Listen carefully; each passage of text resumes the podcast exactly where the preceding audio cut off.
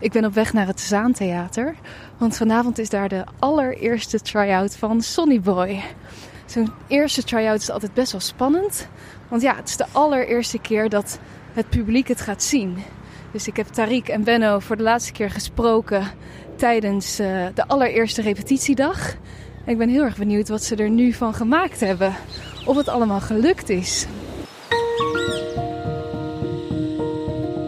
Hoi, welkom bij de podcast van Solo Stories over de solovoorstelling Sonny Boy. Gebaseerd op het gelijknamige boek van Annette van der Zijl. Mijn naam is Diede Vonk. Ik ben podcastmaker en mag je dit seizoen een kijkje achter de schermen geven. Vandaag neem ik je mee tijdens de dag van de eerste try-out. Hoe is het regisseur Benno en acteur Tariq vergaan tijdens de repetities? Zijn ze klaar voor hun eerste publiek? Maar in de gangen van het Zaantheater kom ik nog meer mensen tegen.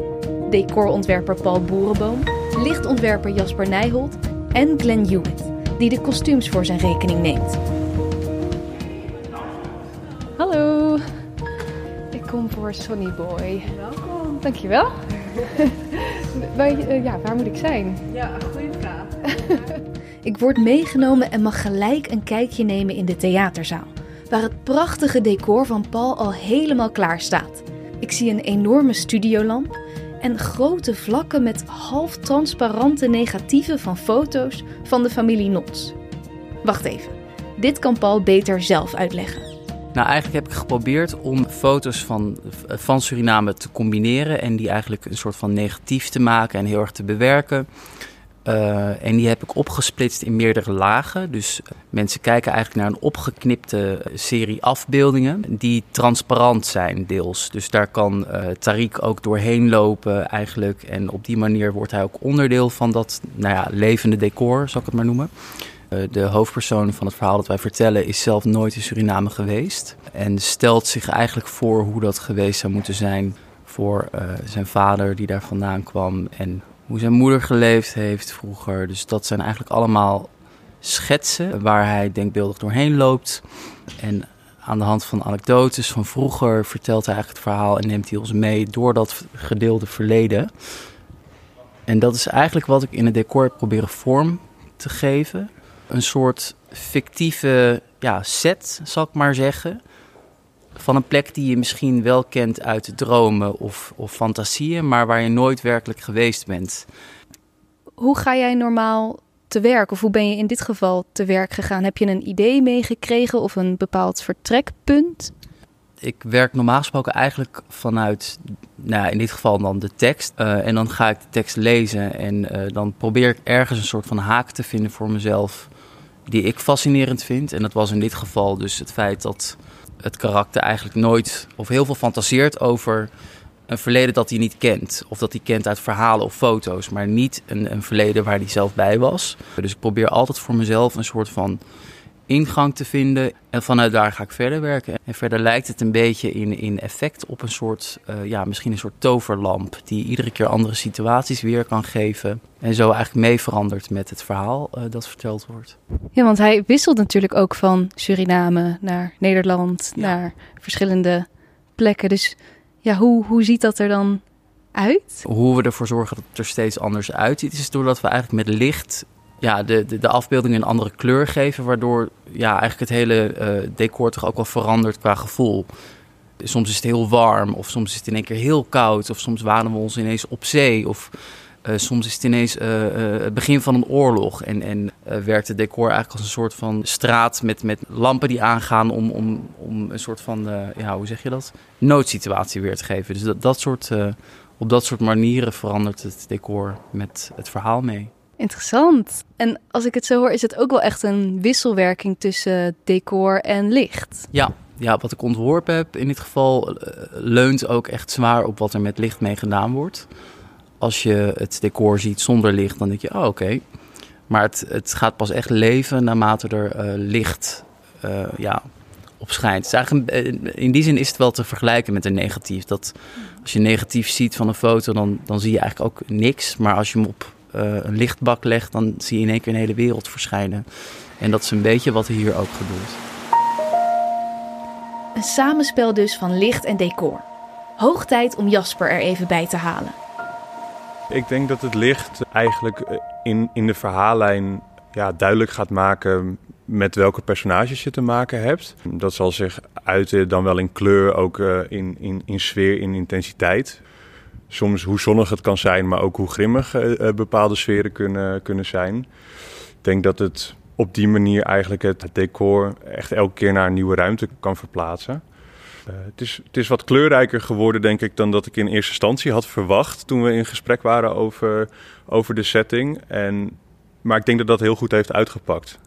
En dat het ook soms de contrasten met realiteit uh, en, en wat wegdromen, zeg maar, in de, in de voorstelling, dat dat op die manier wel mooi wordt vormgegeven. Uh, wat gaan mensen zien? Ik denk een um, fotostudio waarin uh, diverse uh, beelden voorbij komen. En ook soms herinneringen oproepen van het personage.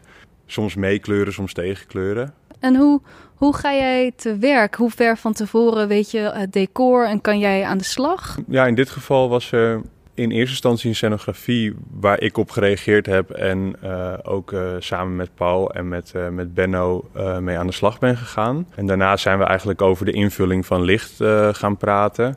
En heb ik ook nog het een en ander toegevoegd aan, aan het decor van Paul. Wat dan bijvoorbeeld?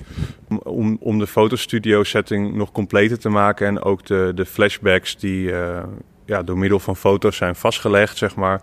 Om dat te versterken beschikken we over een grote uh, studiolamp, fotostudiolamp.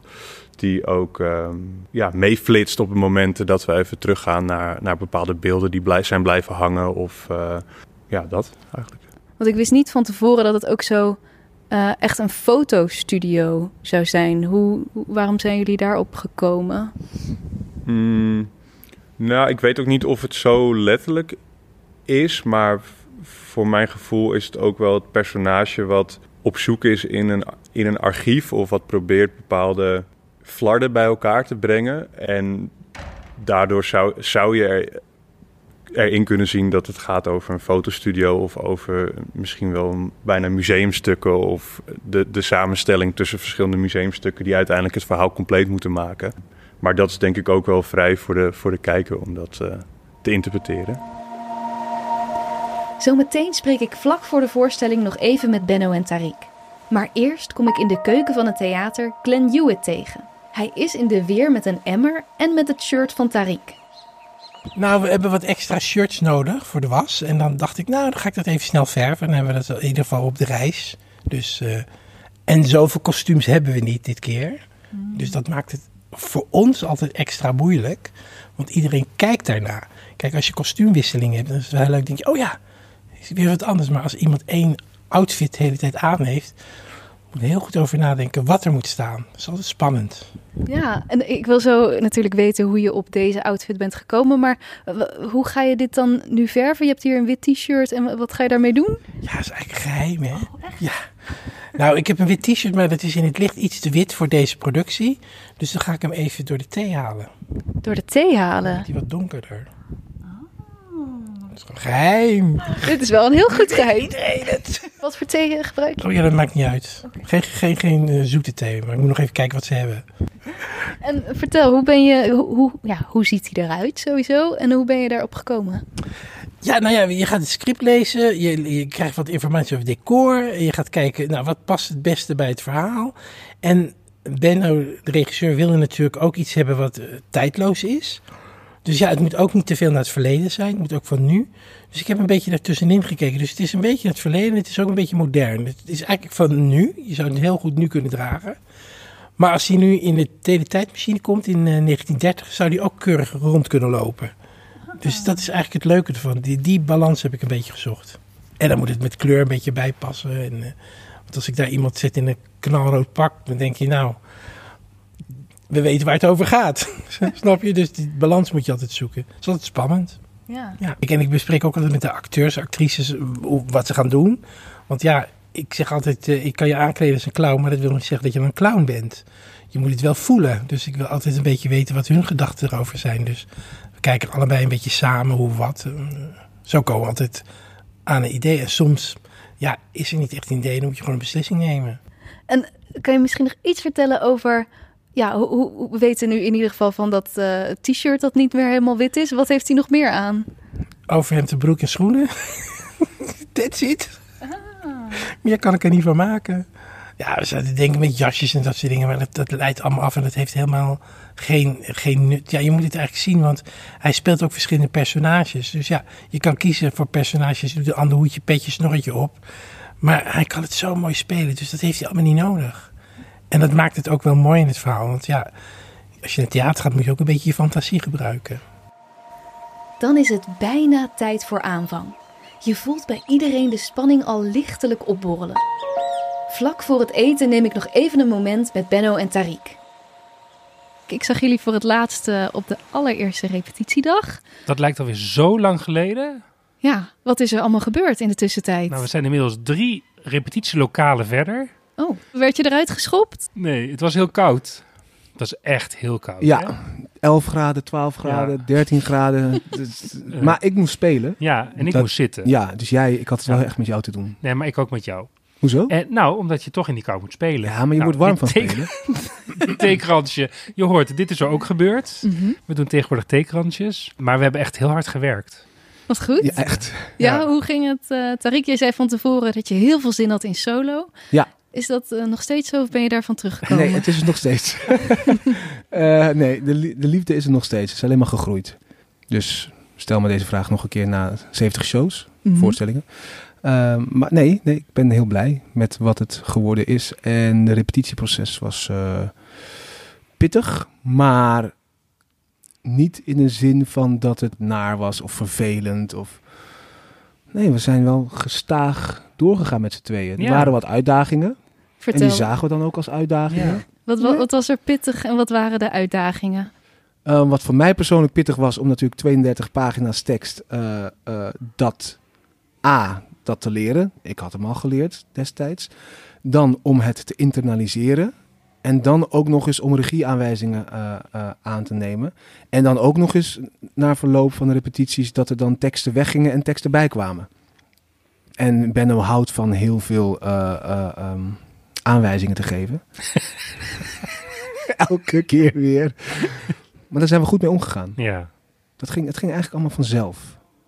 Het was hard werken, maar het, het, we, hebben niet, we hebben niet zitten luieren. Nee, helemaal niet. Maar het ging wel vanzelf. Ja. Het was niet... Um... Maar ik heb hem wel echt gek gedraaid. Ja.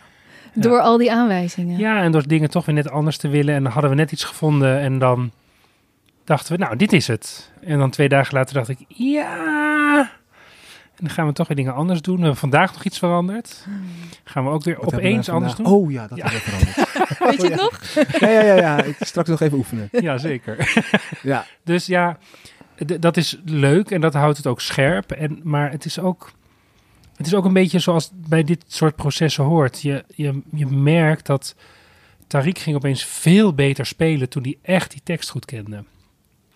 En je zou willen, maar dat kan niet, dat je dus op dag 1 op dat niveau kan instappen en op dat niveau kan beginnen. Maar dan moet hij dus en kennen en dan moeten we geen schrappingen meer maken. Ja, en zo werkt een proces gewoon niet. Dus dat is dan best wel de struggle. Maar ik heb daar tegenover wel heel veel eieren voor hem gebakken. Oh. En uh, dat maakt dan deels het weer goed. Ja, we hebben lekker geluncht. Ja. ja belangrijk. Zeker. En jij vertelde van tevoren, Benno, dat je bij elke acteur eigenlijk weer een hele andere werkwijze hebt. Ja. Wat was hier de werkwijze? Nou, gek genoeg, toch ook wel heel erg rustig blijven of zo. Um, uh, ik heb meer dan ooit gewoon op mijn stoel gezeten en gewoon hem laten aanmodderen. En, en, maar dan in positieve zin, want wat zo fijn is van Tariq is dat hij je merkt dat er een hele goede combinatie is tussen een, een ge, geschoolde acteur, maar ook heel erg intuïtief is. Dus als hij het voelt, dan hoef ik eigenlijk bijna niks meer te zeggen, omdat hij het dan wel gewoon gaat spelen wat het moet zijn. Maar wel ook zijn technieken kan inzetten om de juiste, uh, om de juiste gevoel over te brengen, in plaats van het zelf allemaal te moeten doorleven, zeg maar. En dat vond ik heel tof om dat te zien en om dat te merken. Het was zo grappig, we deden gisteren uh, technische doorloop voor de techniekjongens. en toen ging het echt heel anders spelen. En ik dacht, oh jee, gaat dit nou wel goed? Dus ik zo achteraf zo'n beetje zo voorzichtig naar hem toe van...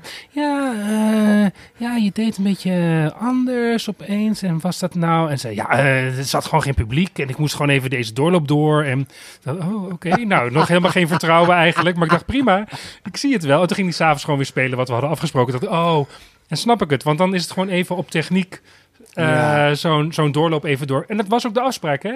Maar toch dat ik opeens dacht... Oh, Oh, is ik ben mijn grappig. controle kwijt. Ik ben Ja. er zo, Tariq, het is een technische doorloop. Ja. Ja, ja, ik, het is een technische doorloop.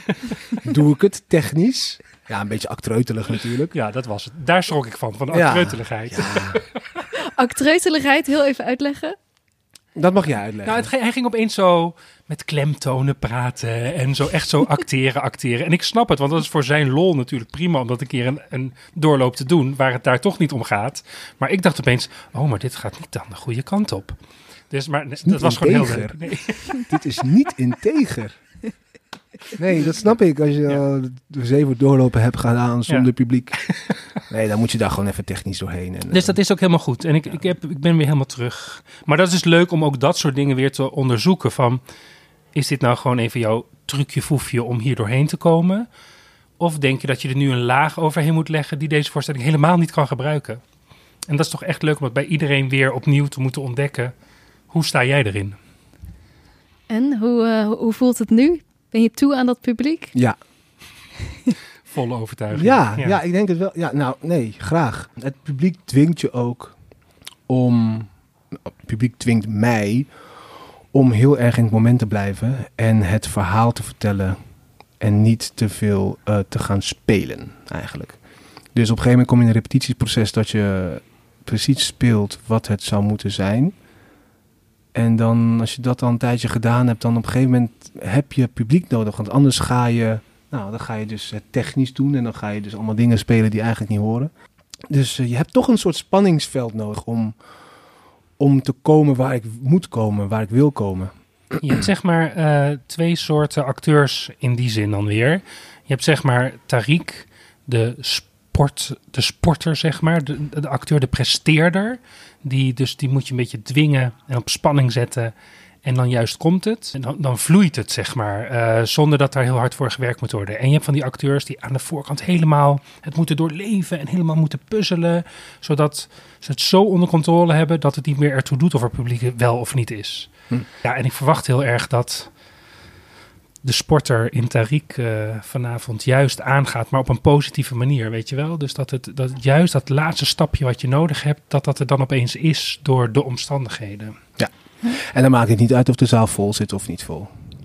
Nee, als er vijf mensen zitten, dan wordt Ja. er ook al gekeken. Tuurlijk. Dan wordt het een hele intieme voorstelling. Ja. Ben je nog iets tegengekomen in het repetitieproces ja, over Waldi of Waldemar of Rika? Iets dat je heeft verrast of heb je iets van ze geleerd? Nee? Ben je een beter mens geworden daardoor? Nee, maar zo, dat is een goede vraag, omdat dit ook weer bij dat sporten past. Ik Maar zou je ik zo zei gisteren graag- tegen hem, zei ik, je moet, je moet het wat meer voelen. En toen zei hij ook al, flikker op met dat voelen. Want ja, ik moet het toch gewoon spelen. En dus ook dit weer, het, hij is zo'n technisch, hij, ja, het is heel technisch, maar ook niet technisch. Ik kan het niet zo goed uitleggen, maar het Nee, als, je, als, je, als je... is gewoon hard werken. Ja, Ja, dat is het. Het is, het is een voorstelling hartstikke hard werken. En als je erin zit, zit ik erin. En dan verras ik mezelf heel vaak ook. En dan, en dan ga je inderdaad dingen voelen. Maar het is ook, je, blijft, je moet gewoon blijven werken. Want het is, je bent ook een verhaal aan het vertellen. En ja, goed. Wat ik ontdekt heb, wat ik heel leuk aan ze, Mhm. eh, aan, aan vooral Waldemar en aan Rika vond, is Rika is bij ons de witte Nederlandse in het, in het ge- gereformeerde hokje vrouw en Waldemar is de Surinaamse zwarte zonnige man. En toen we die, toen, zeker ook toen we er licht op gingen zetten en zo, toen merkte ik dat die twee eigenlijk gewisseld waren. Dus Rika is eigenlijk een veel Surinaamsere vrouw. En Waldemar is een veel keurigere, nette Nederlander. En dat- ik vond het heel mooi om te zien dat... Ik had dat precies andersom bedacht in mijn regie en met licht en al dat soort dingen. En nu blijkt dat het gewoon andersom moet werken. Dat is echt fijn, omdat... Want dat is dan de ontdekking over die mensen. Eh, kan ik nog iets over Waldi zeggen, denk ik. Eh, is dat hij, volgens mij, als ik hem zo nu speel en de teksten ken en wat ik achter de teksten vind en voel, voel Mooi. dan ehm, is het ook iemand die heel veel gewicht op zijn schouders neemt. Zichzelf vaak ook aan de kant heeft geschoven voor anderen. Of, eh, want hij heeft ook zeven kinderen.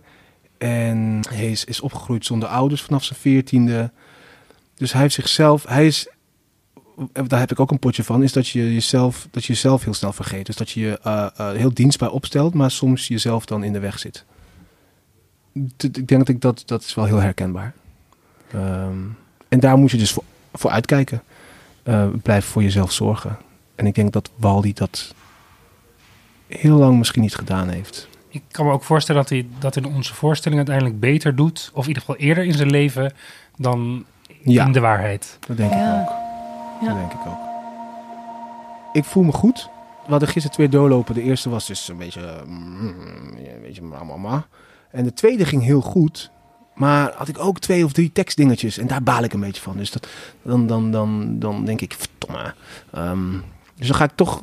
Dat is, dan, dat is dan een onzekerheid die mij heel graag zo... eh, eh, eh, mij nog onzekerder wil maken. Gaat niet gebeuren. Ik laat het niet toe. Dus ik ben, ik, ga wel, ik ben wel een beetje door de tekst gegaan vandaag. Weet je, gewoon een beetje zo als spelend, zittend, lezen. Maar ik merk ook met deze voorstelling, want ik zei dus... Ik heb dus al heel lang twee zinnen niet gezegd. Die ik dus eigenlijk wel heel, heel graag wel wil zeggen. Welke? Nou, op, eh, in de dansscène met Waldemar en Rika Mhm. zeg ik... Ik kijk strak vooruit, maar ik voel dat hij moet lachen. Oh, Dat heb ik al heel lang niet gezegd. nee. Ik, En ik ging ik net- heb het idee dat je nog nooit hebt gezegd. Ja, net ging, ik, net ging ik door mijn tekst. Dacht ik, oh, maar dat vind ik wel leuke Ja, zinnen. zeker. Want het geeft van allebei geeft het een Ja. extra kleur nog aan Ja. de situatie. Ja, voordat ik zeg, oh lieve heer. Oh, wat goed.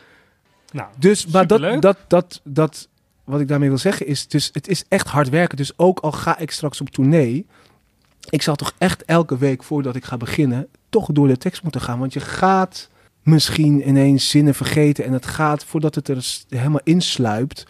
Of dat je dingen bij verzint. Dus het blijft voor mij persoonlijk toch echt hard werken. Het is niet zo van, oké, nu ken ik het en nu kan ik het elke avond gewoon lekker... eh, en er is gewoon niemand die je corrigeert. Nee, dus je moet het echt, je Ja. moet het zelf doen. Je bent je eigen, ja, je bent je eigen Trainer, coach ja. en trainer daarin. En dat is, dat is fijn om dat nu te merken. Maar het geeft me wel extra motivatie om, om dus elke keer voordat ik de voorstelling begin, om toch in een soort van state of mind te komen. En dat is ontspanning, maar ook een soort drive. Ja, je moet en relaxed zijn, maar je moet ook aanstaan. Ja. En hoe doe je nog iets speciaals voor de voorstelling? Ja, ik moet dus uitkijken dat ik niet te druk word. Maar dat ik juist in de ontspanning ga. Wat heel erg helpt, is dat ik dan eh, door het decor ga lopen. En een beetje stemoefeningetjes ga doen. En misschien een beetje opdruk. En misschien eh één of twee teksten doe. Dat soort dingen helpt heel erg om in de, in de juiste state of mind te komen. En erop te vertrouwen dat het allemaal wel goed komt. Precies. Vooral dat. Vooral dat. Eh, Tot slot, heb je nog een favoriet moment in de voorstelling? Ja, en dat is gelijk ook het gevaar. Maar dat, tot nu toe gaat dat goed. Eh, ja, is toch wel de, de, de, de, de, de dansscène, de uitvraagscène vind ik gewoon zo leuk. Wat is dat voor dat scène? is wanneer Rika en Waldemar voor het eerst eigenlijk eh, zichzelf toegeven aan de liefde. Dat is gewoon een heel mooi moment. Het einde is heel mooi. Maar ook de vertelling. Ik vind eigenlijk heel veel leuk. Ik vind de vertelling, ik vind Waldi heel fijn. Dat hij dat- met het publiek eigenlijk een dialoog is. Dat vind ik, dat past mij. Dat gaat me goed. Dat vind ik leuk. En ik vind eh, Rika spelen vind ik ontzettend leuk. Hoewel ik heel hard mijn best doe om niet te veel te spelen. En eh Waldemar, dat blijft een uitdaging. Nog. Maar dat komt wel goed. Zeker. Het publiek stroomt langzaam binnen. Er worden drankjes gedronken in de foyer, herinneringen opgehaald aan het boek en dan kan het beginnen.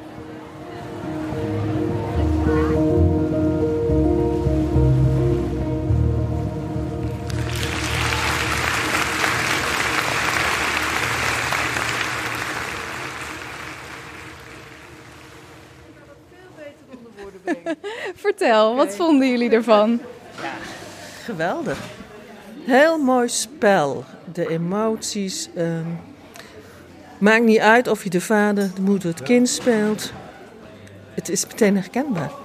En je wordt weer teruggeworpen op uh, je eigen denken. Het wit-zwart denken. Vooroordelen die je allemaal hebt. Bewust, onbewust. En die worden hier nog eens eventjes getoond hoe pijnlijk dat voor mensen kan zijn. Ja, we hebben gewoon geboeid zitten kijken, zitten luisteren. En de combinatie tussen uh, decor en het kleuren en het licht. En dat maakt het ook nog echt speciaal. Dus, de moeite waard. Ik vond het heel, heel indrukwekkend. Ik vind het geweldig dat je er zo'n. Uh, de hele avond alleen die tekst. Dat is bijzonder. En ik had het boek gelezen.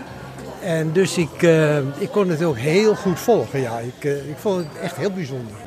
Ja, mag ik vragen wat u ervan vond? Ja, heel indrukwekkend. En ook wel uh, ja, heel, heel herkenbaar. Wat ik al net schetste. Mijn, mijn vader natuurlijk ook een van de eerdere, eerste Surinamers in Amsterdam. nou, daar, daar, herken je wel een aantal dingen. Ja. En ook de ja, vooroordelen waar mijn moeder daarmee te maken heeft gehad. Dus ja, het was wel indrukwekkend. Benno, ja? eerste reactie. Oh, altijd zo spannend, hè, de eerste. En uh, ik was best wel relaxed, dus dat was heel goed. Uh, maar nu krijgen we natuurlijk ook alle meningen van het publiek. En ook van ons team was er natuurlijk. Dus mijn radaren draaien heel hard. Maar ik ben heel blij. Uh, want we hebben echt een hele goede basis neergelegd. Er zijn geen gekke dingen gebeurd. Dus we hebben het heel goed onder controle. Dat is het belangrijkste. En vanaf hier moet er nu gebouwd gaan worden in de twee weken try-out die we hebben. En uh, aan de ene kant moet er heel veel gebeuren nog. En aan de andere kant zijn we ook echt al super ver. Dus morgen zijn we vrij. Dat is heel fijn. Gaan we even een dagje nadenken. En dan gaan we overmorgen helemaal naar Koevoorde. Daar gaan we de volgende try-out spelen. Dus dan hebben we daar wat repetitieruimte. En gaan we dingen weer even proberen aan te slijpen en scherper te krijgen. Dus uh, ik ben heel blij, opgelucht, tevreden. En we zijn er nog niet, maar zo hoort het helemaal. En wat is de grootste focus voor de komende twee weken voor de première? Uh, helderheid en energieverdeling. Dus dat we het verhaal zo helder mogelijk bij het publiek krijgen en waar we dat nog scherper kunnen krijgen. En waar moet er meer energie in, minder energie in om Tariq goed bij het einde te krijgen, zeg maar. En het publiek dus ook. Je hebt net de allereerste gespeeld. Hoe voel je je? Uh, ja, ik voel me op zich wel goed. Heerlijk om eindelijk voor publiek te spelen. Het was ook spannend. Het was ook even wennen. Het was ook overleven. Maar ik heb er een goed gevoel over. En het kan eigenlijk alleen maar beter worden vanaf nu. Dus het is een, ik heb, er is een goede basis. Ik had een gigantische blackout. Oh, wanneer dan? Ja, toen ik daarachter liep en het heel lang stil was. Zelfs dan, als je rustig blijft, komt het goed. Dus het was, een hele, het was echt een leerproces voor mij ook weer. Uh, ik heb heel veel zin in de tweede en de komende uh, try-outs om nog meer te gaan groeien. Maar het was een, het was een goede eerste. En je zei overleven, wat betekent dat? Je hebt voor het eerst publiek en daar heb je natuurlijk stiekem altijd verwachtingen van. Maar het is altijd, het publiek kan ook ineens heel stil zijn. Maar dat hoeft helemaal niet te betekenen dat ze niet genieten. Maar het is, het is, gewoon, het is gewoon een acteursding. Dan zie je ineens allemaal mensen naar je kijken. En dat, dat kan best confronterend zijn. Dat was het ook even. Maar ook weer fijn. Dus het was gewoon voor het eerst voor een zaal met mensen. Dat is altijd even wennen en tegelijkertijd ook goed. Maar het was echt een goede eerste. Ik ben, ik ben heel trots en blij. En blij dat ik eindelijk de eerste try-out heb kunnen spelen.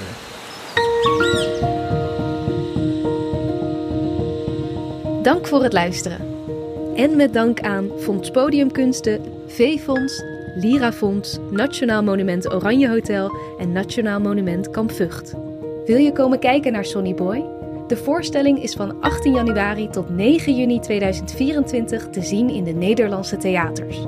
Ga naar solostories.nl om je kaartje te bestellen. In de volgende aflevering is het grote moment dan eindelijk daar: de première. Tot dan!